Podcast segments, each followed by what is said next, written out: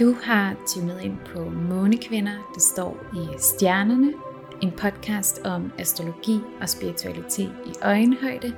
Vi hedder Amalie Brohus og Karen Siefeldt, og denne her podcast er for dig, der er nysgerrig på astrologi og gerne vil blive klogere på, hvordan du kan bruge det i din hverdag. Du er velkommen præcis som du er, og hvor du er. Rigtig hjertelig velkommen. Hej Karen. Hej Amalie.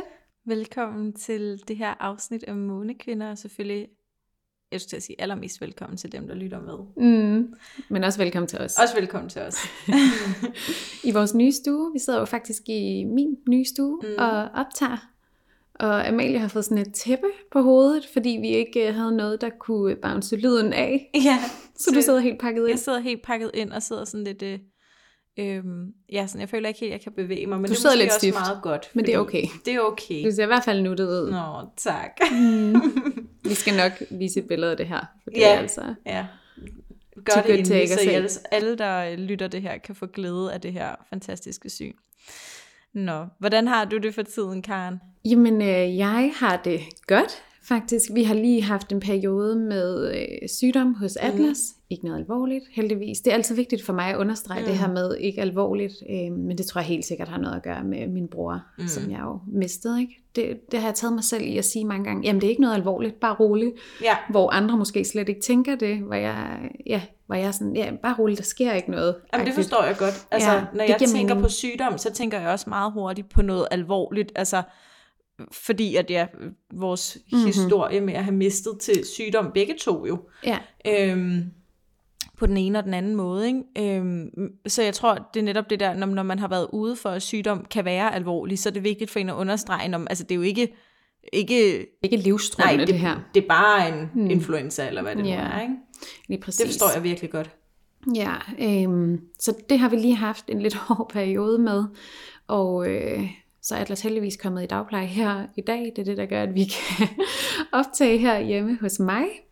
Og øh, ellers så er jeg i fuld gang med Atlas Aura, mit børnetøjsbrand og univers. Jeg sidder og arbejder på hjemmeside lige nu. Øh, der er godt nok mange ting med sådan en hjemmeside. Jeg har jo prøvet at lave min egen hjemmeside før, men slet ikke på samme måde. Det her det er jo en hjemmeside, hvor man rent faktisk skal kunne købe nogle produkter. Ikke? Mm. Så der er altså bare meget, der skal spille. Men det er også det er mega fedt at prøve. Jeg sidder også og øh, arbejder lidt i Photoshop og de her kreative programmer lige nu, og det ved I i hvert fald, øh, eller Amalie og Katrine, vores producer, hvor meget jeg gerne har ville øh, prøve Photoshop og InDesign og hele de her øh, kreative programmer. Øhm, så det er ret fedt at sidde og få lov til at arbejde i det. Og så glæder jeg mig jo bare til at lancere. Det er sådan lige op over, men jeg har virkelig bare at måtte erkende i denne her proces, at jamen, sådan nogle ting her tager tid. Altså, det sker bare ikke fra den ene dag til den anden. Nogle gange kan der jamen, faktisk gå år, før, før det, altså, man rent faktisk Ja. står med, med et produkt i hånden, der kan sælges. Ikke? Og det er også noget, jeg lige sådan har skulle, skulle vende mig til, fordi jeg har jo den måde, jeg har arbejdet med, hvad skal man sige, med mode før, og den slags, det er jo via mit modelarbejde. Jeg har Ja. aldrig stået sådan på den anden side, øh, kan man sige, og ligesom skulle være den, der står for rent faktisk at få noget manifesteret. Mm. Meget apropos tyrens sæson, det skal Ja. ja. nok komme an på, komme an på, komme ind på lige om lidt. Men øh, det er sådan det, der rører sig for mig lige nu. Hvad Ja, rører sig for ikke dig? også have et fotoshoot? Nå, synes jo. du talte om. Det er rigtigt, ja. Mm. Øhm, om en lille uges tid kommer der fire babyer her hjem til os. Fire børn. Øh, også nogle babyer. Nå. Og øh, skal lege her i Atlas' øh, legehjørne, som vi faktisk også sidder i. Og så skal vi have taget nogle billeder til Atlas Aura, hvor de har tøjet på. Så det bliver mega fint. Det glæder jeg mig til. Det forstår jeg godt. Ja. Jeg elsker at arbejde med børn, faktisk. Ej, det er, så fint. Ja, det er bare sådan, det er ikke let, men det er bare, der er en, der, der er en dejlig, øh, umiddelbar energi, Helt sikkert. synes jeg. Ja. Har du noget i femte hus? Altså min sol står jo faktisk på Ja, lige hus i slutningen af fjerde hus, og derved tyder man den også ind Ja, i ja, femte. præcis. Ja. Ja. Jamen, det var bare, jeg tænkte lige på, kan jeg vide, hvad, det, hvad der lige gør det? Ja. Eller sådan. Ej, men det er så meget min sol. Ja, det Ja, tænker det er- jeg også. Ja. Åh, interessant. ja. og hvad med dig, Amalie? What's going on? Jamen, øhm, what's going on her? Øhm, jeg synes stadig, at øh, energien bare bliver bedre og bedre, og foråret åbner sig mere og mere, og det bliver lunere og lunere. Det er simpelthen så dejligt. Øhm, jeg det jeg egentlig sådan er meget sådan optaget af lige nu, er, at der er vidderligt kun tre undervisningsgange tilbage af min astrologiuddannelse, og så er jeg færdiguddannet astrolog.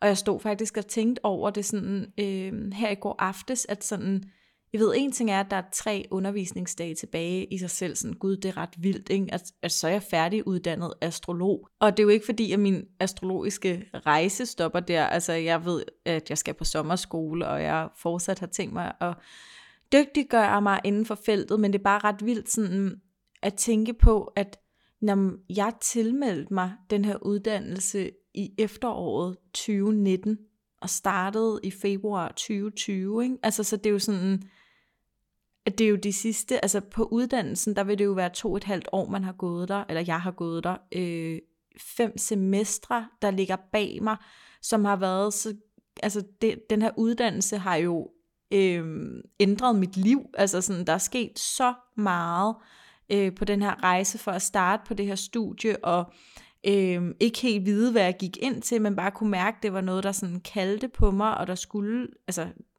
der skulle ske, altså jeg skulle tilmelde mig, og så at stå her nu og være sådan, okay, jamen, nu er jeg faktisk astrolog lige om lidt, altså mm. det er virkelig, virkelig vildt.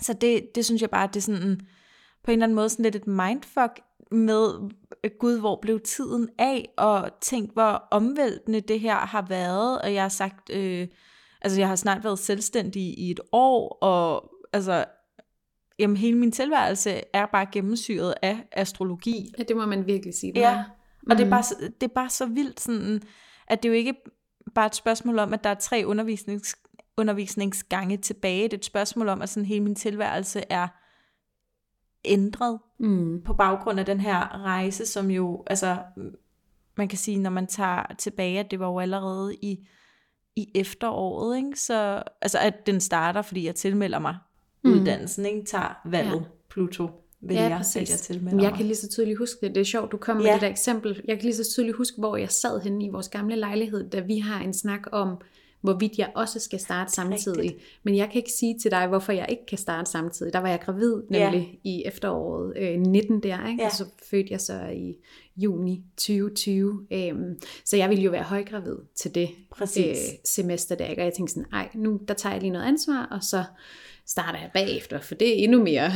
Men altså også fordi, at du var jo ikke bare højgravid, du var også, altså det halve år, der skulle du afslutte din heilpraktikereksamen. Så. Ja, det havde jeg glemt. Men der var du også ved at ville smide en yogauddannelse oveni. Nej, men jeg ved simpelthen ikke. Så jeg tror, det var rigtig godt, at du lige øh, mm. tog noget Saturn og øh, startede i, så har du været startet i august 2020? Ja, det gjorde Agtigt. jeg. Ja, mm. lige præcis. Men altså, det er jo bare så vanvittigt, vanvittigt at tænke på, og nu er jeg jo så lige startet op på Spaceholder som øh, uddannelsen, hvor jeg også bare kan mærke, at allerede det kommer også til at ændre en masse, og ændring, det er jo i virkeligheden bare, eller som jeg i hvert fald ser det, det er jo udvikling. Det er jo udvikling, jeg går igennem, når jeg åbner op for de her uddannelser, og især øh, det, jeg begynder at få ind med spaceholderen, det er et helt andet forhold til meditation, og en helt anden, altså en dybere forståelse af nogle af de her sådan, mm, nu, jeg, jeg får lyst til sådan at sige, jeg ved ikke, hvad, jeg ved ikke, hvad for et ord jeg skal bruge. Jeg lyst til at sige sådan højspirituelle øh, temaer og kontakt til det højere selv, og sådan, det og hvad mening. det egentlig vil sige. Giver det mening? 100 procent, ja. Okay. Jeg føler lidt, at jeg egentlig mangler ordene, men, men det, er, det, jeg egentlig bare gerne vil sige med det, det er, at jeg føler, øh, at der er så meget, der åbner sig lige nu, fordi at selvom at astrologistudiet bliver afsluttet, så åbner der sig alt med, altså astrologien åbner sig jo bare yderligere, yderligere, yderligere, og spaceholder åbner sig, og Jamen, jeg ved ikke hvad. Så mange åbninger, synes jeg, der er. Ja, jamen, det er fantastisk, og det har også været fantastisk at følge dig på denne her rejse. Altså, tak. nu er det jo jamen, det er snart tre år siden, du startede. Jo, ej, det er to og et halvt, ikke? Jo. Øhm, men bare på de to og et halvt år, hvor vanvittigt meget der er sket. Mm. Og det ser man jo ikke altid selv, når man Nej. står midt i det. Øhm, men det kan jeg virkelig se og mærke på dig. Og jeg ved bare, at du er på rette vej. Tak. Fordi det kan jeg sige som den guru, jeg er. Det kan det. Nej, jeg håber, du ved, hvad jeg mener. Jamen, det ved jeg, at du er altid god til at minde mig om det, og det er også en stor gave at have mennesker i ens liv, der minder en om ens egen proces. Altså, fordi netop når man er den, der står nede med hænderne i bolledejen, så er det sgu lidt svært at se. Om det er et franskbrød, eller om det er boller, man... Jamen, det er jo ikke engang løgn. Jeg elsker den der øh, metafor, den tror jeg, der jeg vil til at bruge. Den er faktisk inspireret af dig, da du i et tidligere afsnit beskrev en baby som et franskbrød. Nej. det ved jeg ikke, om der er andre, der lagde mærke til. Men det kan man gå tilbage og lytte. Det var i adventsafsnit, når Karen fik sagt et eller andet. Åh oh, gud. En baby som et franskbrød. Jeg vil gerne give Martin skylden, for det er ham, jeg har hørt det fra. Sorry, skat. Nå, nu, er, nu skal vi tale øh, astrologi. Ja, det nu skal, vi. vi. lige øh, tune lidt ind på, hvad vi skal tale om i dagens afsnit. Ja. Og øh, vi går jo ind i tyrens mm. sæson i dag, så det er jo oplagt at øh, fortælle lidt om, hvad, hvilken tone, der slås an Helt her, sikkert. øh, når vi træder ind i tyrens sæson. Og så skal vi komme lidt ind på øh, Mars og Venus og øh, balancen i forhold til de to, øh, som er enormt vigtig og som øh, er ret skæv for ret mange af os, Ja. faktisk, når vi dykker ned i det. Øhm, men ja, lad os starte med tyren. Vi er jo lige gået ind i tyrens sæson. Vi kommer direkte fra den lynhurtige væderenergi, hvor der er øh, blevet sat en masse i gang, blevet kastet en masse bolde op i luften. Øhm, og ja, ligesom startet en masse projekter, ligesom skudt året i gang, ligesom med de første blomster, der jo skyder op af jorden. Så det er jo virkelig det her astrologiske nytår, en tid til, at nu skal der ske noget nyt, der er energi, og der er, der er i hvert fald potentiale for, at der kan ske noget nyt. Selvfølgelig skal man også vælge det. Det er jo, at der, det er jo altid, øh, det afhænger jo altid af, om, om vi selv vælger at gøre de her ting. Ikke? Så når, når vi taler om de her ting, så er det fordi, der ligger potentialer for, at noget kan ske. Ikke? Øh, Men vores egen fri vilje er jo mindst lige så vigtig, hvis det ikke er alt afgørende. Øhm, Men nu kommer vi til tyrens sæson, og tyren er jo det her øh, faste jordtegn. Tyren er rolig, den er praktisk, den er konkret, og så er den enormt god til at få ting til at lande på jorden. Og det er faktisk det, man mener, når man siger manifestere. Det er simpelthen, at mani, det betyder hånd, festere, gøre håndgribeligt. Sådan så også jordboere hernede på jorden kan bruge tingene. Øhm, og det er en ret god idé, hvis man skal bygge noget op, for eksempel. Øh, selvfølgelig at have den her kardinale væderenergi, som øh, virkelig får sat tingene i gang, og nu er det det her, vi gør, og ud over stepperne. Men man er altså også nødt til at have nogen, som rent faktisk kan få sat noget struktur i tingene og få bygget op. Og det er jordtegnene generelt fantastiske til. Og så er der bare det her med tyren, at den er... Øh, tyren har bare en sans for de materialistiske ting. Nogle gange bliver tyren beskyldt for at være materialistisk. Øhm, det synes jeg ikke, den er. Den kan selvfølgelig godt være det i en umoden version. Øh, alle, stjerne, alle dyrekredsens tegn har en umoden version, men tyren har simpelthen bare sans for det gode. Den ved godt, hvad det gode er. Det er denne her dejlige kop kaffe af perfekt ristede bønner, øh, som man sidder og nyder i en solstråle. Så der er simpelthen der, der er styr på tingene. Ikke på sådan en øh, panittengrøn jomfrumåde, men på en kvalitetsmåde. Altså tyren vil hellere have kvalitet frem for kvantitet. Og tyren er jo også øh, hersket af Venus, som vi skal tale lidt mere om i dybden lige om lidt. Øhm, men så er det jo lidt selvsagt, at tyrens tegn også handler om nydelse, om ro, om nærvær, øhm, om værdi mm. og om accept i det hele taget. Og der er en ret beundringsværdig ting ved tyrens tegn, og det er det her med, at, jamen, at ty, tyren er så god til at nyde, så god til at jamen, være i det, der er. Nydelse er jo en af de højeste energifrekvenser, vi overhovedet kan tune, tune ind på. Og det betyder egentlig, altså når vi nyder, vi kan kun nyde, fordi vi accepterer tingene, som de er. Hvis vi ikke accepterer, så er vi utilfredse, og så kan man ikke nyde. Det ved vi alle sammen, hvis der er et eller andet, der ligger i baghovedet. Altså man har en opgave, der skal skrives, eller en mail, der skal sendes, eller et eller andet, og man bare kun tænker på at få sendt det her afsted, så er man simpelthen ikke i stand til at nyde. Så der er virkelig sådan en ting med tyren, at den er i stand til at jamen, acceptere tingene, som de er, og være i nuet, og nyde det, der nu engang er. Så kan man også sige, at der måske lidt er en bagside af den medalje. Det er der jo altid lidt, øh, eller den her kvalitet. Og det er det her med, at tyren den er ikke altid så god til at behovsudsætte. Hvis den har lyst til noget, hvis den har lyst til den her, øh, eller til at spise aftensmad klokken 6, fordi det plejer man at gøre, det er faste rutiner og det her, øh, så er den ikke så god til lige at måske at ændre det for en dag, hvis der er kommet et eller andet i vejen. Nu er det bare et meget banalt eksempel. Men simpelthen det her med at kunne øh, være villig til forandring. Det ligger meget i den faste dynamik her, og så, og så det er et jordtegn jo, så det er meget de her faste rutiner, ting skal være, som de plejer at være, ikke? Øh, så det er meget, det er meget tyrens tegn i en nødskal. Jeg kunne simpelthen sige en masse mere, men øh, vi skal tale om nogle aspekter nu. Hvilke aspekter, der dannes i øh, det her Ingris horoskop.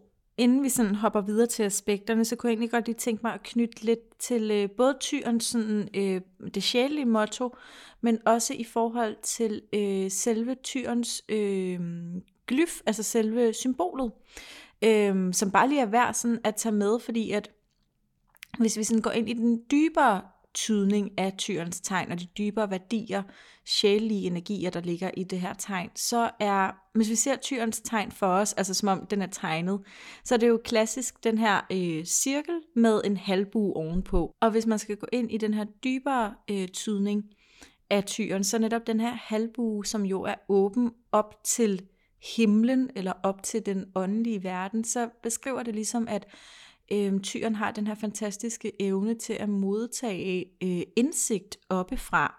Øh, man kan næsten sige, at den har sådan en særlig evne til at downloade, og det er jo også smukt forbundet med at manifestere, ikke? at få, øh, få et, nu siger jeg inspiration eller indsigt, eller hvad det nu er, altså få beskeder oppefra, der på en eller anden måde kan landes på jorden, og Tyren er jo som sagt hersket af Venus, og i forhold til vores chakrasystem, så hersker Venus over vores tredje øje, og derfor er tyren fra et sjældent plan også forbundet med at være seende, altså at have seerevner, forstået på den måde, at man ligesom kan se fra sit tredje øje.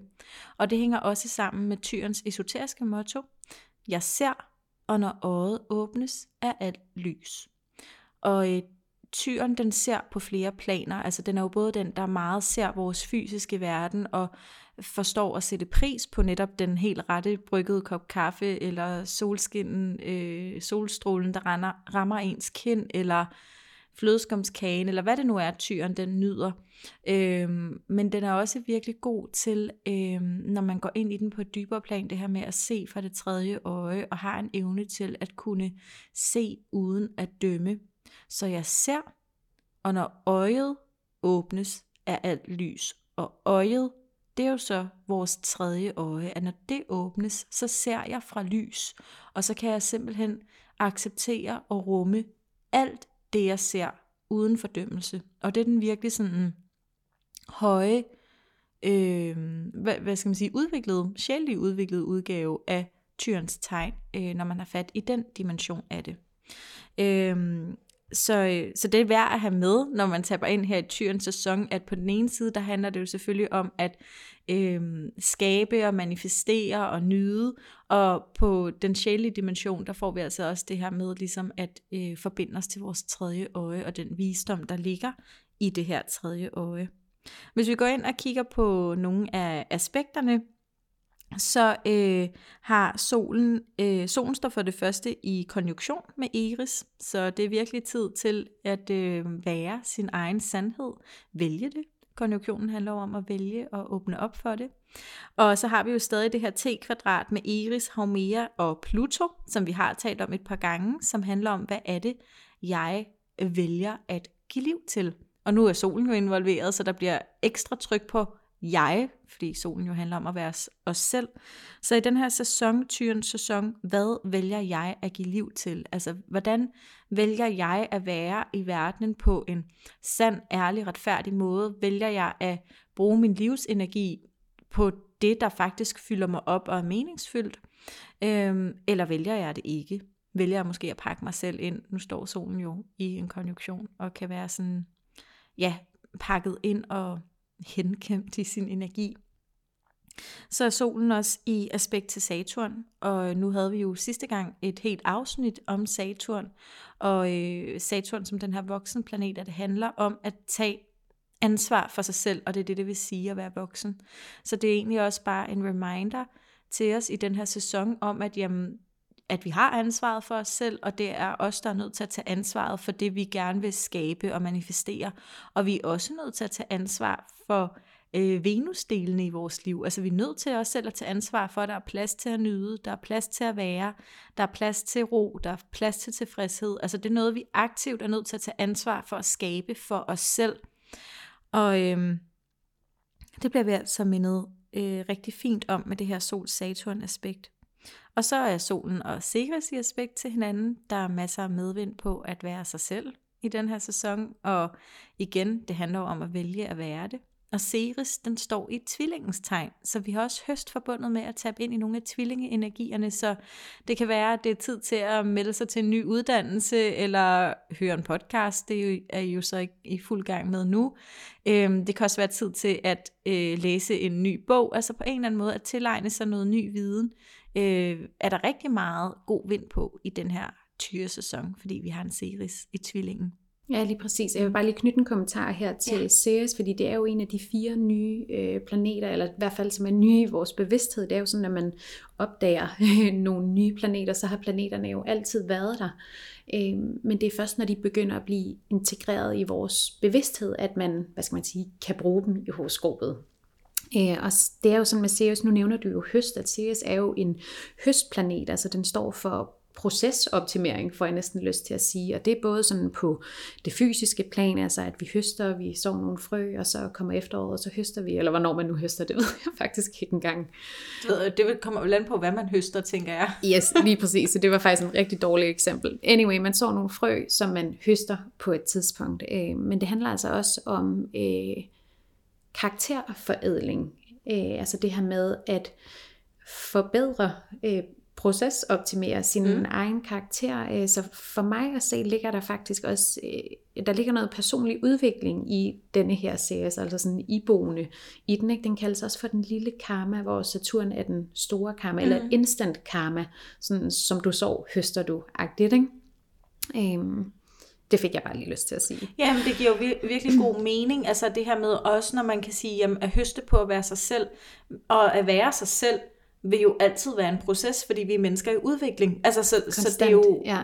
det, på en eller anden måde, så er det, ja, nej, men jeg forstår bare præcis, hvad du mener med det, at det er jo ikke statisk at være sig selv. Det er, det er jo en udviklingsproces, og det er også det, vi får ind igennem sådan et, en series øh, sol. Ja, lige præcis. Øh, placering. Ja, og så ikke nok med det, så har vi har også sol, øh, måne, og månen er jo en, en planet, eller et himmellys, som det også kaldes, som flytter sig rigtig hurtigt, men altså her nu, hvor vi træder ind i tyrens sæson, så taler solen og månen også sammen. Månen er jo vores, øh, helt kort fortalt, vores barneidentitet, handler om vores følelser, vores instinkter, vores temperament, ikke mindst. Øh, og når solen og månen så taler sammen, så, er det, så handler det altså også om at lade sin følelser være en del af sig. Turde føle sine følelser og jamen, stå ved dem simpelthen. Og nu ligger munden i skytten, og skyttens tegn handler jo frem for alt om udvikling. Øhm, og om rejser, men både indre og ydre rejser. Altså skytten er jo altid på en rejse, øhm, og den lægger særligt vægt på hele tiden at øh, forbedre sig selv, hele tiden udvikle sig selv og ikke stå stille. Derudover så danner solen øh, et aspekt til Mars, og Mars er jo vores øh, planet for handling, blandt andet. Den handler på tingene, så når solen taler sammen med Mars, så kan man helt kort sige, at jeg er handling. Jeg handler på tingene. Mars er jo det maskuline princip, det ydende princip, den som handler og gør noget. Øhm, så der, så der er mulighed for at få tingene gjort her. Solen taler samtidig sammen med øh, Venus, og Venus er det stik modsatte, som vi også var lidt inde på før. Venus er det feminine princip, det modtagende princip. Så det er altså også en tid, øh, jeg ser det virkelig som, at det er en tid for at få balance i de her ting, altså Mars-Venus-balancen, ikke? Balancen mellem at kunne give, kunne yde, men også at tage imod. Øhm, og lige nu, der for mange af som jeg også nævnte før, der er balancen tippet rigtig meget over øh, mod Mars, mod det her med at yde, øh, præstere, være noget, gøre et eller andet, og ikke så meget at være, som øh, Venus også handler om. Derudover så har vi øh, en enkeltstående planet, og når jeg siger en enkeltstående planet, så er det fordi den ikke taler sammen med andre planeter i horoskopet øh, på tidspunktet i hvert fald. den har ikke nogen aspekter. Den har ikke nogen aspekter lige nu, og det er planeten Magge faktisk øh, planeten for selvstændighed, det her med at kunne øh, stå selv, gå selv. Og når en planet er enkelstående, så kan man tyde det sådan, at enten så er det bare full on på øh, dens egenskaber, eller så vil eller kan den overhovedet ikke.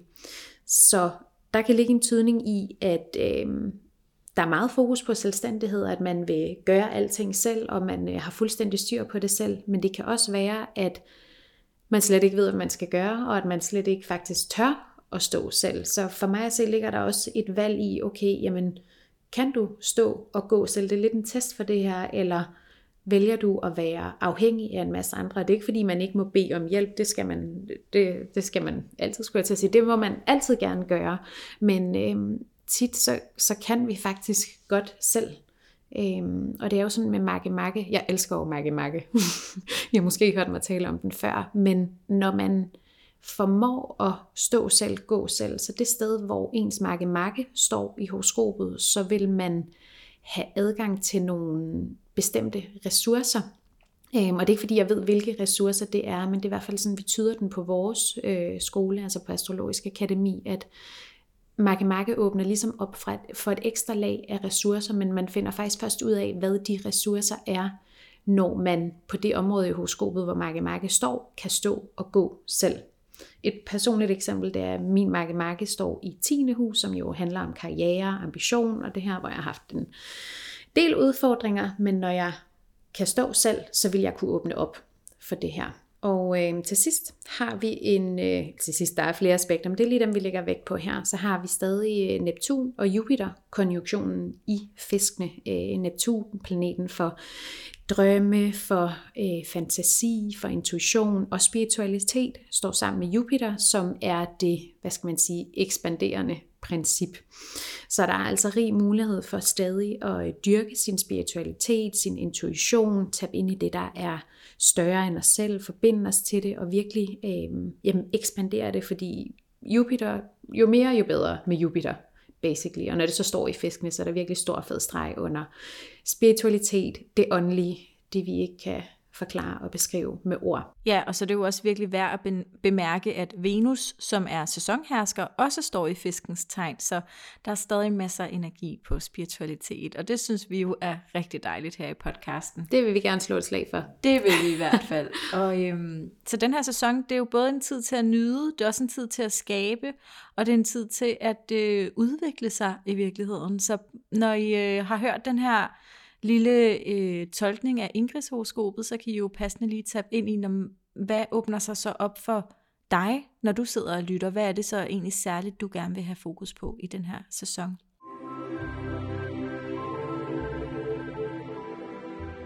Nå, men nu har vi jo åbnet godt op for tyrens sæson, og øh, det vi så skal dykke ind i nu, det er øh, balancen mellem Mars og Venus. For det er egentlig sådan, at der vil altid i horoskopet være en forbindelse imellem Mars og Venus, hvad end der er et direkte aspekt eller ej. Fordi at Mars jo er vores, øh, som du fik sagt før, Karen, vores øh, øh, hvad hedder det, ydende princip, det maskuline princip, og Venus er det modtagende, altså det feminine princip. Så på den ene side, så vil vi have en helt naturlig lyst til at være i gang og få skabt noget eller gjort noget. Det er jo i virkeligheden, det handler om at handle, at være i gang øh, med vores Mars. Og på den anden side er vi jo også nødt til at være i ro for at slappe af og lade op. Så der vil altid være en balance imellem Mars og Venus, som er vigtig at kigge på. Og nu er vi rigtig meget i et Mars-præget samfund, hvor vi bliver øh, målt og vejet og bedømt på, hvor meget vi får for hånden, hvor meget vi får gjort, hvor meget vi er i gang. Øhm, og derfor så er det typisk sådan, at vores Mars, den øh, er opprioriteret øh, helt, man kan næsten sige helt naturligt, altså for vores samfund. Så hvordan det ser ud i hver vores horoskoper, det må man så gå ind og kigge på, altså i en decideret læsning, men overordnet set, så er vi i et Mars samfund, og vi bliver rost og anerkendt for, når vi bruger vores Mars, når vi er i gang. Og Mars er jo også vores planet for arbejde. Så derfor så bliver vi rigtig meget anerkendt på arbejdsfronten. Så øh, hvis vi lige starter med sådan at zoome ind på Mars decideret, så er Mars øh, det er en kraft, og den skal bruges. Så Mars den er i virkeligheden lidt ligeglad med, hvad det er, den render og laver. Den vil bare gerne lave et eller andet. Og det er jo også det, vi mærker i øh, vederens sæson, at der er den her energi, som vi lige har været i med. Udover stepperne, vi skal bare i gang. Vi gider ikke at sidde og til, trille tommel, øh, hvad hedder, tommelfinger. Vi vil godt ud over stepperne og bruge vores Mars. Øhm, så det er sådan, at Mars, den elsker at lave om på ting. Altså den elsker at øh, ændre noget igennem sine handlinger, og der kan man sige, at den er jo i udgangspunktet utilfreds, fordi at den vil jo godt lave noget, øh, handle, gøre noget nyt, hvor at Venus jo i udgangspunktet er tilfreds. Øhm, så Mars, den øhm, er virkelig sådan, altså det er vores planet for handling, det er vores planet for arbejde, det er vores planet også for vrede, det er vores planet for, øh, hvad hedder det, øh, og jeg sad lige og tænkte på en ting. Når det er vores planet for vores kraft, altså handlekraft. Øh, og så det er virkelig den her, øh, det maskuline og det igangsættende, øh, det ydende princip, som vi finder i Mars som planet. Ja, det er så fint beskrevet. Øhm, og jeg har bare lige en lille kommentar, jeg vil knytte til det, fordi øh, en ting, der er ret interessant at se på i øh, altså vores personlige horoskoper, er øh, om Mars er i aspekt til himmellysene, altså solen og månen. Fordi det er sådan, at når Mars er i aspekt til et af de to, vi var inde på det øh, lidt lige før, da vi gennemgik indkrigshoroskopet, men så er det sådan, at man øh, i sin natur er handlekraftig. På hvilken måde man så er handlekraftig, og hvilke følelser der øh, lægger sig sammen med, det kommer sig an på, om den er i aspekt til solen eller til månen.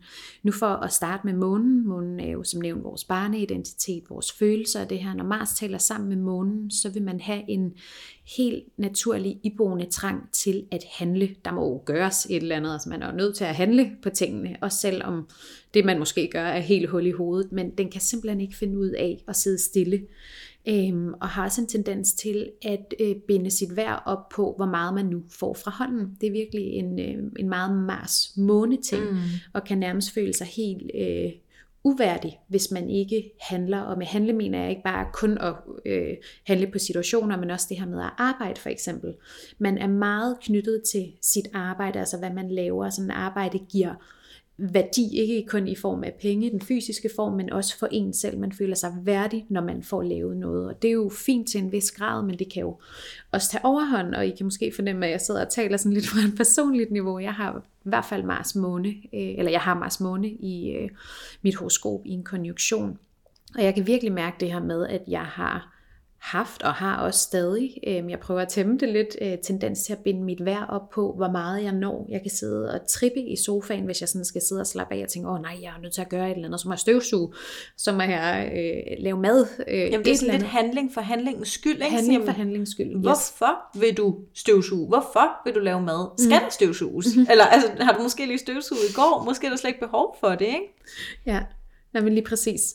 Øh, og det er så meget mig, så jeg har sådan en indre debat med mig selv, når det der sker. Det er sådan, okay Karen, hvor, vil du gerne gøre det her lige nu? Øh, jeg kan også have en tendens til sådan, øh, at føle, at jeg skal... Øh, faktisk hvis jeg har travlt, kommer jeg til at synes, at jeg skal gøre endnu mere. Og så spørger jeg mig selv sådan, okay, er det lige nu, at du skal forberede et eller andet til om to uger? Nej, det er det ikke. Okay, så sker du det af. Altså virkelig blive bevidst om det her... Øh, altså med handlingen, er jeg nødt til at handle på det lige nu, eller kan det faktisk godt vente? Tab ind i min tyr og være sådan, manjana, manjana, det skal nok gå, agtigt, ikke?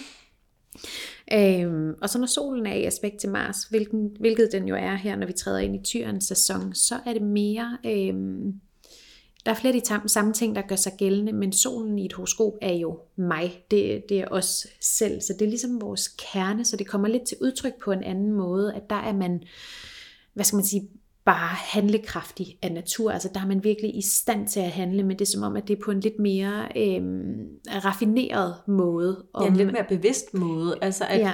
det der med, når jeg vil, gøre, jeg vil gerne gøre det her. Og For min skyld. Præcis. det, ikke? Og ofte med sådan en, øh, en sol Mars, der vil det jo også rigtig meget være det der med, at man vil gerne kunne se sig selv i sit arbejdsliv. Altså det er vigtigt for mig, mm. at det jeg render og bruger min energi på, at det er en del af min identitet. Jeg gider ikke bare møde op for at tjene penge. Jeg møder op, fordi det har noget med mig at gøre. Ja. Altså, så det er jo sådan, du har dig selv med. Ja, lige præcis. Ja, det giver rigtig god mening. Så det er bare det er to aspekter, der er, der er lidt interessante, i hvert fald i det personlige horoskop, hvis I sidder og kigger i jeres øh, egne horoskoper. Jeg fandt i hvert fald ud af, eller der var mange brikker, der faldt på plads for mig, da jeg fandt ud af mm. den her øh, Mars-måne, ikke? Ja, det forstår jeg virkelig godt. Har du sol-Mars også? Nej, jeg har ikke sol-Mars. Nå nej, det er slet ikke forbindelse med, med solen og månen, og det har jeg jo heller ikke, men jeg har sol-Mars. Du har sol Det er ret interessant, ikke? Ja, jo, det er det. Mm. Du har ikke sol eller Mars-måne? Nej, Nej. det har jeg ikke. Men det, når nu vi sidder og taler om det sådan her, så tit mange af de ting, vi taler om, så er det jo det er min tematik øh, med Mars måne. Jeg taler med dig om sådan, åh, jeg synes ikke, jeg har fået noget nok, og jeg har Ja. kun nået her, og nu med Atlas overtaget, jeg er slet ikke nået særlig langt, og det, det, det, alle kan jo have de her følelser, ikke? men altså, jeg, har virk, jeg har det virkelig til next level, hvor jeg føler mig uværdig, hvis jeg ikke får præsteret noget. Og er det egentlig også en utålmodighed? Altså nu tænker jeg med Mars, der hersker over vederen. Mm-hmm. Ja, okay, det, Det er jo lidt som at have, når man har de her, øh, det er det, der er lidt interessant, når man begynder at tyde et horoskop, når man for eksempel har øh, Mars måne, øh, vædderen, eller Mars hersker jo over vædderen, så kan man faktisk lidt godt øh, sidestille det med at have en måne i vædderen, eller der er i hvert fald flere af de samme øh, karakteristika, der vil gå igen. Og så er der lige en anden ret øh, interessant ting ved Mars, og det er, at øh, Mars i en kvindes horoskop, eller for den, der er interesseret interesserer, identificerer sig med den feminine part i et øh, same-sex couple, der vil øh, Mars repræsentere den mand eller maskuline part, som man tiltrækkes af. Mm. Øhm, så for at give et helt konkret eksempel, så min Mars vil sige noget om, hvilken mand jeg vil føle mig tiltrukket af. Helt kort fortalt. Ja, og hvad der vil være vigtigt i en mandlig eller maskulin partner. Yes. Øhm, og der kan man gå ind og lave en hel analyse af det. Det er virkelig også et spændende felt. Og hvis vi så bevæger os over i modparten, det kan vi virkelig godt sige til Mars, så hopper vi jo over i Venusland. Og det, der er interessant ved det her med Mars og Venus balance, det er, at ofte så er Mars ret let at tyde og ret let at forstå, fordi den netop er så opprioriteret i vores samfund. Så det er let at forstå, jamen, hvor er det, jeg handler henne? Hvordan er min energi, når jeg ligesom øh, er i gang? Øh, altså, det, Mars er relativt lige til, hvor Venus, fordi den er så nedprioriteret i vores samfund, den kan være lidt sværere at forstå, sådan når, når man propper den ind i et horoskop, og sådan, når, hvad er det egentlig, det vil sige, at den her Venus står her? Venus er øh, vores planet for øh, tilfredshed, kvalitet, accept, rummelighed, skønhed, væren, nydelse, som du også fik talt om øh, tidligere, Karna, det er jo den højeste form for accept og tilfredshed. Det er, når vi nyder og virkelig kan... Altså for at nyde, der er vi nødt til at acceptere og være tilfredse og bare fuldkommen rumme det, der er nu og her. Det er også vores planet for værdi, indsigt, og så er det jo så den feminine energi, det modtagende princip. Og så har den også at gøre med vores sanser. Øhm, og det er det her med, at jeg synes, at et af de allerbedste ord, hvis vi sådan skal zoome ind på Venus, det er det her med væren. Det handler egentlig i vores Venus om bare at være til. Og når vi tillader os selv bare at være til, så accepterer vi også det nu, vi er i fuldt ud, uden forbehold, og så kan vi nyde, og så kan vi være tilfredse. Der er også noget, vi har, øh, jeg tænker også, at I har hørt det på, øh, på jeres hold på uddannelsen, men at tilfreds, at det er jo ordet øh, mm. til fred, altså at være tilfred med yes, noget. Ikke? lige præcis. Så jeg er tilfreds med den her situation. Så når vi tapper ind i bare at være, det er jo sådan helt essens, det er jo virkelig, hvor man i virkeligheden forbinder sig til sin egen guddommelighed. Når jeg bare er, det er det. Det er sådan helt, altså det er, lige, det er sådan, at ordene slipper op, og også især når vi kommer ind i Venus, som ikke er noget, der er så gængst i vores samfund, øh, og som det er jo sjovt nok, at Venus har at gøre med værdi, men den bliver ikke anset for at være specielt værdifuldt i vores samfund, fordi at øh, hvis jeg går ud og siger, at jeg har faktisk brugt en hel dag på bare at være, bare være til. Det er måske ikke så mange skulderklap, jeg vil få, øh, og øh, hvad hedder sådan noget, øh, femårsplaner, og jeg ved ikke hvad, som der vil stå og klap af mig for den øh, tilstand. Og øh, noget, der er virkelig interessant, hvis man vil dykke mere ind i, hvad væren betyder, øh, der kan vi virkelig anbefale at læse Nuets Kraft af Eckhart Tolle. Vi har anbefalet den før. Bibelen. Øh, ja, jeg, ej, jeg skulle lige til at sige, det er, bibel, basically ja. Karens bibel. Ja, men det er så det, tænkte altså. jeg, er det for meget at sige, men så sagde du det selv. Ja. Ej, men det er din bibel. Ja, det, kan er det. godt sige. Ja, jeg tror, jeg har læst den 50-100 gange, og det er ikke løgn. Nej, men det ved jeg. Jeg elsker den. Jamen, du har, du har også anbefalet den til mig nærmest fra første dag, jeg mødte dig. Ja. Nu skal du høre. Ja, og øhm, det her med væren og at acceptere et nu fuldt ud, det er jo ikke det samme som, at, at man ikke kan øh, ville ændre sig, udvikle sig, at man ønsker en anden tilstand i fremtiden på et senere tidspunkt.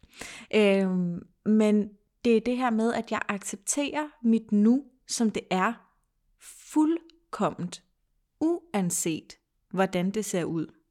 Jeg rummer præcis, at alting er, som det er lige nu.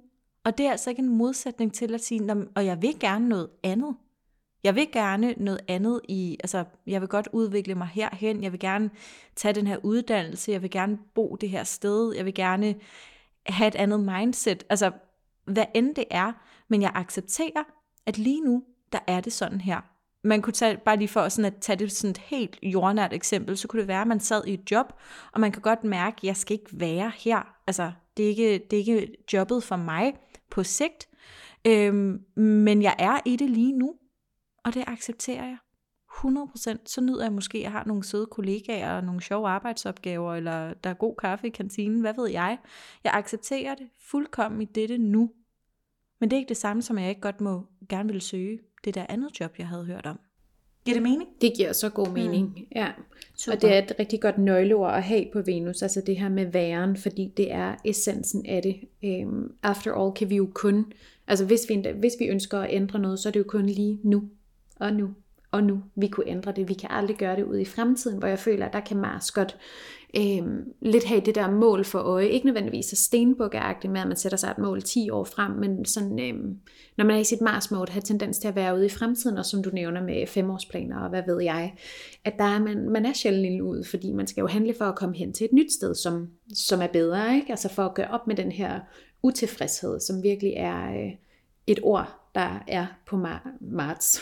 Mars. Hold da op. Øhm, og så en anden ting, jeg lige vil knytte her til Venus. Øh, du fik også nævnt, det er, at Venus også handler om øh, værdi, og der synes jeg, der er sådan en ret fin sætning til. Altså den handler både om, øh, om den fysiske værdi, altså det kostbare, og det man ligesom kan, kan sætte en pris på, ikke? altså de fysiske ting i tilværelsen, hvad koster det? Øh, så handler det også om den sociale værdi, og det er jo meget i forhold til andre mennesker, altså også det her, du nævner, Amalie, med at kunne rumme og acceptere hinanden som mennesker, som vi nu engang er. Og det er her, at kærligheden og sympatien kommer ind ved Venus, hvor førhen, når man har tydet Venus, så har det meget været, det er den her kærligheds øh, lovey-dovey planet, øh, men den er jo meget mere end det, som jeg også kan høre, når vi sidder og fortæller de her ting. Og så ikke mindst i forhold til værdi, så er det altså også den værdi, vi tillægger os selv. Altså vores selvværd. Hvad synes vi, vi selv er værd helt konkret med Venus, ikke? Så der, hvor Venus også står i, øh, i horoskopet, og de, de planeter, Venus nu taler sammen med, det vil altså virkelig også have noget at sige i forhold til, øh, til hvordan vi ser os selv. Og der er det jo lidt, du nævner, Amalie, at du har øh, Venus Pluto, eller det ved jeg ikke, om det lige var en pause, vi talte om det. Det var en pause, men vi kan sagtens Ja, vi øh, kan sagtens den tage den, for det er et rigtig godt eksempel. Ja. Pluto, det er jo planeten for vilje, både det den vil, og det den ikke vil, mm. altså fri vilje og fri modvilje. Og når Venus, tal, og, ja, og når Venus taler sammen med Pluto, øh, i hvilket aspekt det nu må være, fordi Pluto kan faktisk ikke gradbøjes, øhm, så vil man højst sandsynligt øh, have nogle udfordringer med selvværdet. Altså Helt fordi klart. Pluto sætter sig på vores eget værd. Øh, så der skal man altså aktivt gå ind og vælge, okay, er jeg det her værd? Ja, det er jeg, men jeg skal også selv tro på det. Agtigt, ikke? Ja, så der er virkelig en øvelse, når man har sådan en Pluto-Venus, mm. i selvkærlighed. Det har jeg faktisk også selv. Har så, du det? Ja, det har jeg. Hvad er, de, hvad er forbindelsen hos dig? Det er godt nok en øh, sextil. Nå, men, men stadig, der- Pluto ja, kan jo ikke gradbøjes. Jeg var lige bare lige nysgerrig. Ja. Og med min, den står jo i en konjunktion, Aha. og Pluto korresponderer jo med konjunktionen. Så Så, for mig er det jo sådan dobbelt op på Pluto-energi, at jeg skal vælge at se værdien i mig selv, og vælge at tro på, at jeg er god nok. Mm-hmm. Der er dobbelt, Dobbelt op på. Ja, lige præcis. At det, det, den ligger virkelig gemt væk, Ja. øhm, min kære Venus. Og hvis man gerne lige vil have genopfrisket, hvad det er, eller måske helt blive introduceret til, hvad det er, de forskellige aspekter, for eksempel når vi bare lige nævner sextil eller konjunktion, så vil jeg virkelig anbefale, at I går ind og lytter øh, til den episode, vi har lavet, der hedder de, fri- de fem primære aspekter. For der går vi altså virkelig i dybden med, hvad er en sextil, hvad er en konjunktion, hvad er en trigon osv. Øhm, I forhold til øh, Venus og Mars, så er det også værd at bemærke, at Mars den skaber forandringer, altså igennem handlinger, og Venus skaber forvandling. Og forvandling, det er jo et kvalitetsskifte, og forvandlinger behøver ikke nødvendigvis at ske på baggrund af handlinger. Det kan være indre kvalitetsskifte, der er tale om. Og når Mars og Venus aligner, så kan man selvfølgelig godt have taget nogle handlinger, der hjælper en i ens indre forvandling. Men, øh, men det er bare værd at bemærke det her øh, med, at Mars er forandringer, og Venus er forvandlinger. Nu vil vi give eksemplerne øh, i vores egne horoskoper, Karen og jeg, for at lande det på jorden. Vi er jo i tyrens sæson, så det skal ikke bare blive sådan noget højdragende noget. Vi er nødt til at lande det. Øh, og når man kigger på sin egen Mars og Venus balance, så som vi har talt om, vil typisk vil ens Mars være opprioriteret naturligt, fordi vi indgår i et Mars samfund. Øhm, men hvis vi lige lægger det til siden, så vil det være sådan, at man kan se, at Mm, eller at hvis man vil ind og kigge, hvad balancen er, så kan man lægge mærke til, jamen, hvordan ser det ud i forhold til for det første aspekter. Har min Mars mange aspekter, og min Venus måske næsten ingen? Jamen, så har vi allerede en information der. Eller omvendt, har min Venus mega mange aspekter, og har min Mars slet ingen, eller næsten ingen. Står min Venus måske klistret op og ned af min sol, jamen så vil jeg jo højst sandsynligt have ret godt fat i den. Øhm, står den så, ligesom den gør i mit tilfælde, hengemt i en konjunktion med Pluto ovenpå sig nærmest, jamen så er den nok gemt ret meget væk. Øh, så på den måde kan man ligesom sige, at der er nogle indikatorer helt naturligt i vores horoskoper på, jamen er vores kontakt til vores Mars eller vores Venus mest tydelig. Og så vil der selvfølgelig også være tilfælde, hvor de øh, for eksempel i Karens tilfælde, står tæt sammen, eller har samme antal aspekter, eller noget i den dur, hvor man kan sige, at umiddelbart er der faktisk en ret god og naturlig balance her. Men Karen, har du ikke lyst til at starte med at fortælle os om øh, din Mars-Venus-placering? Jo, jeg vil gerne starte. Øh, jeg vil bare lige hurtigt knytte en kommentar øh, til at starte med til det, du sagde. Øh, når Mars og Venus taler sammen i øh, det personlige horoskop, så øh, kalder man det faktisk også for et kunstner aspekt. Øhm, og det er egentlig lidt ligegyldigt, øh, hvordan de taler sammen, altså om de står i en konjunktion, som de gør i mit horoskop, om de står i en sextil eller trigon, eller hvad de gør. Øhm, og når jeg siger kunstneraspekt, så betyder det altså ikke, at, at man bliver den næste Picasso, eller øh, noget i den stil. Det handler simpelthen om den måde, man går til arbejdet på.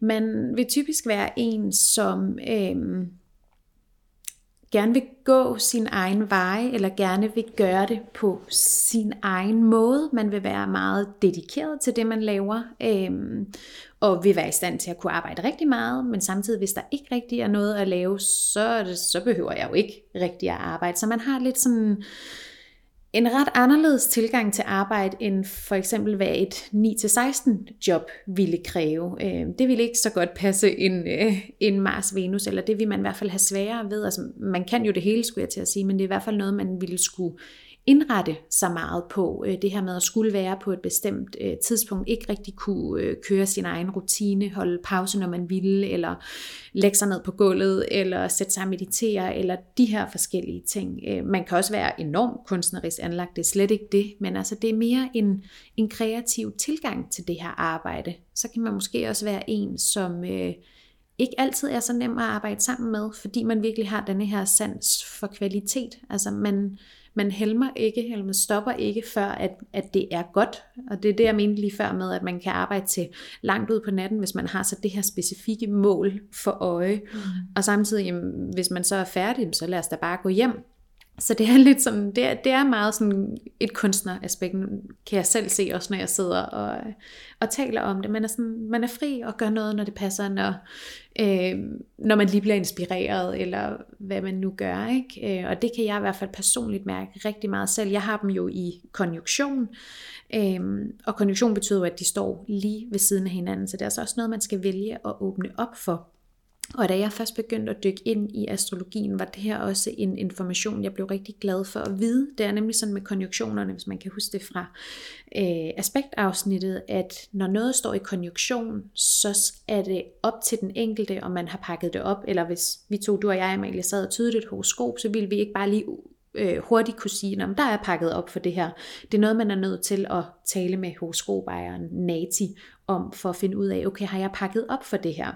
Og min pointe med det her er, at jeg i mange år, mens jeg læste på CBS, øh, læste International Business, og var meget sådan businessorienteret, og øh, troede, jeg skulle i en helt anden retning, men jeg kunne ligesom bare mærke, at der var noget, jeg var utilfreds på en måde, og ikke kun sådan Mars utilfreds, men der var bare et eller andet, der lå sådan, at jeg kunne mærke, at nej, det er ikke mig det her, jeg, altså jeg skal noget andet, Øhm, at jeg så blev bevidst om denne her Mars-Venus, og så kunne jeg virkelig se, okay, der er noget her, jeg ikke har pakket op for. Altså, jeg bruger ikke mine, øh, nu siger jeg kunstneriske evner, det er ikke fordi, jeg sætter mig selv op på en pedestal, men jeg brugte dem ikke godt nok. Jeg var havnet i en, nu kalder, kalder jeg det trummerum, fordi det var det for mit vedkommende, hvor jeg, hvor jeg slet ikke var glad, faktisk.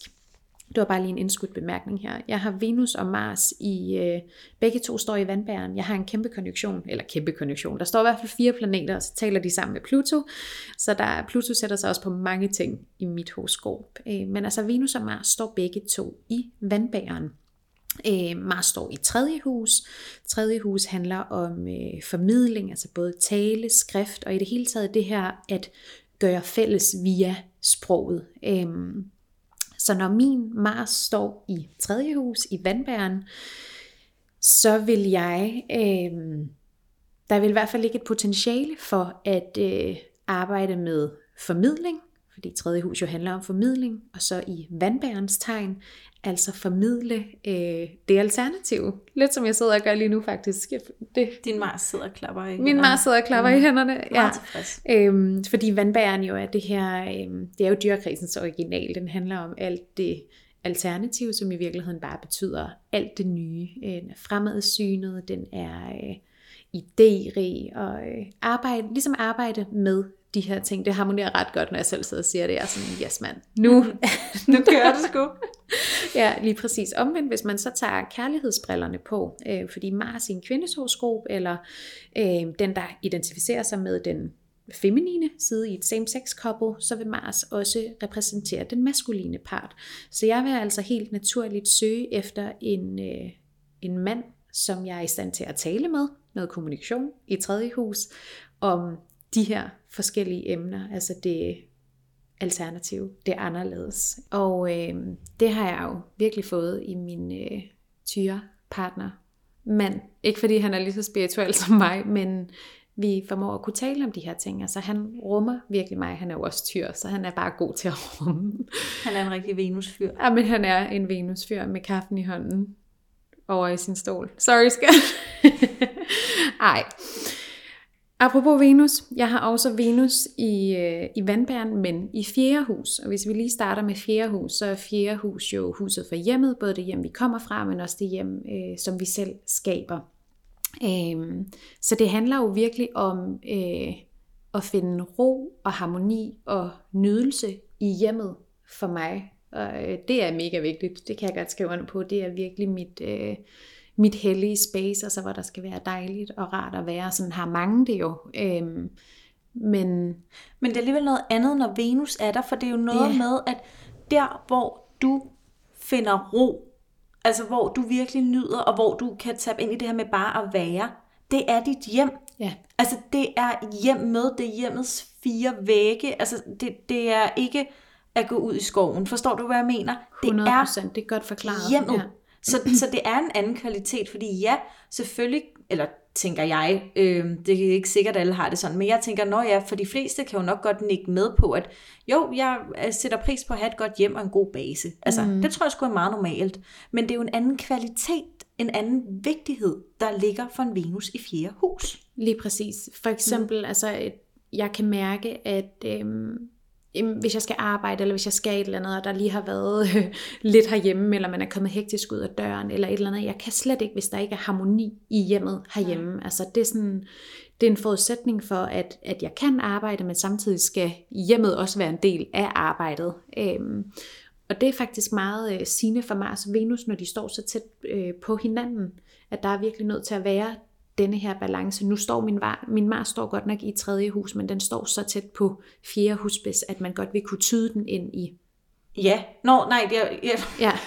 Jeg troede lige, at Amalie lavede et tegn. ja, nej, det var bare fordi, jeg, jeg ville sige sådan, ja, den blev trukket ind igennem en, øh, igennem konjunktionen, altså uanset, Det gør den, så ja. får den jo fjerde hus, og når den så Det står tæt den, på fjerde ja. hus spids, så Lige jeg vil bare, præcis, det var fordi- egentlig bare det, jeg prøvede at vise. Ja, det er egentlig en lidt interessant ting, fordi jeg kan sagtens mærke det her med altså arbejde med formidling, tredje hus, arbejde mm. med sproget og podcast og Ja. alle de her ting. Ikke? Men jeg kan virkelig også godt mærke min Mars i fjerde hus, mm. og det forklarer det jo så rigtig godt, det, det her du siger med, at den, i og med at den står i konjunktion, så bliver den også trukket ind. Ja. For jeg elsker at arbejde i hjemmet. Jeg elsker at arbejde derhjemme. Altså hjem og arbejde, det, er- jamen det, det er lige det. The for way mig, to go for dig. Ja, nemlig mm. præcis. Øhm, og så med en Venus i vandbæren, så sætter man virkelig kvali- eller så sætter man virkelig pris på på det mentale og på tankesystemer, og man finder, finder harmoni i, tan- i tankens øhm, kraft, skulle jeg til at sige, det er ikke helt rigtigt, men man finder harmoni i tanken og større lovmæssigheder. Det mm. elsker vandbæren. Jeg elsker, når tingene passer sammen. Det ved du også. Det ved jeg godt. Altså jeg har sådan en hel hierarki med, sådan, hvordan jeg skal forklare ting og døllet, og nogle gange så kommer jeg sådan helt ud af en tangent, fordi jeg tror, jeg skal have hele mit indre system med, men ja, det skal jeg jo ikke, selvfølgelig. Men jeg elsker systemer. Helst min egen. Ja, sagde Vandberg Månen. Ja, lige præcis. Ja. Og hvad med dine, Amalie? Jamen, øh, mine, de er placeret, min Mars, den står i andet hus, næsten på tredje husspids øh, i Krebsens tegn, og min Venus, den står i 6. hus i Skorpionens tegn, og den står jo så i konjunktion med Pluto. Og Pluto hersker jo over Skorpionen, så der er rigtig meget Pluto på min Venus. Ja, interessante øh, pointer at tage ud, sådan hvis vi bare lige skal sådan tage essensen. Så går min Mars i aspekt til solen. Det gør min Venus ikke. Så allerede derfor vi at vide, at jamen, min Mars den er stærkt forbundet til min sol, min kerne, min identitet. Så det at handle er helt fuldkommen naturligt for mig, og det at være i gang.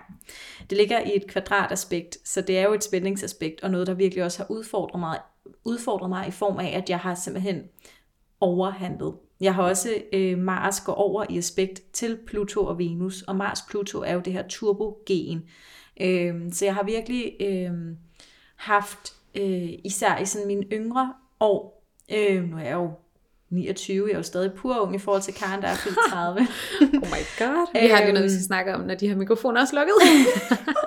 Så altså med den her Mars, Pluto og Mars til solen, så har jeg bare virkelig haft en tendens til at opprioritere min Mars og det her turbogen og det her at være i gang. Altså der, der var jo på et tidspunkt, hvor at jeg nærmest altså, var i gang fra, altså I ved, jeg slog øjnene op til at gik i seng hver dag, fordi at så havde jeg, øh, jeg havde studie, jeg havde øh, studiejob, jeg havde faktisk to studiejobs, og jeg havde øh, bloggen, og jeg havde YouTube. Jeg ved ikke, hvad jeg ikke havde. Jeg havde alting på én gang, så jeg lavede noget hele tiden, og hvis jeg ikke lavede noget, så var det fordi, jeg var ude at være social.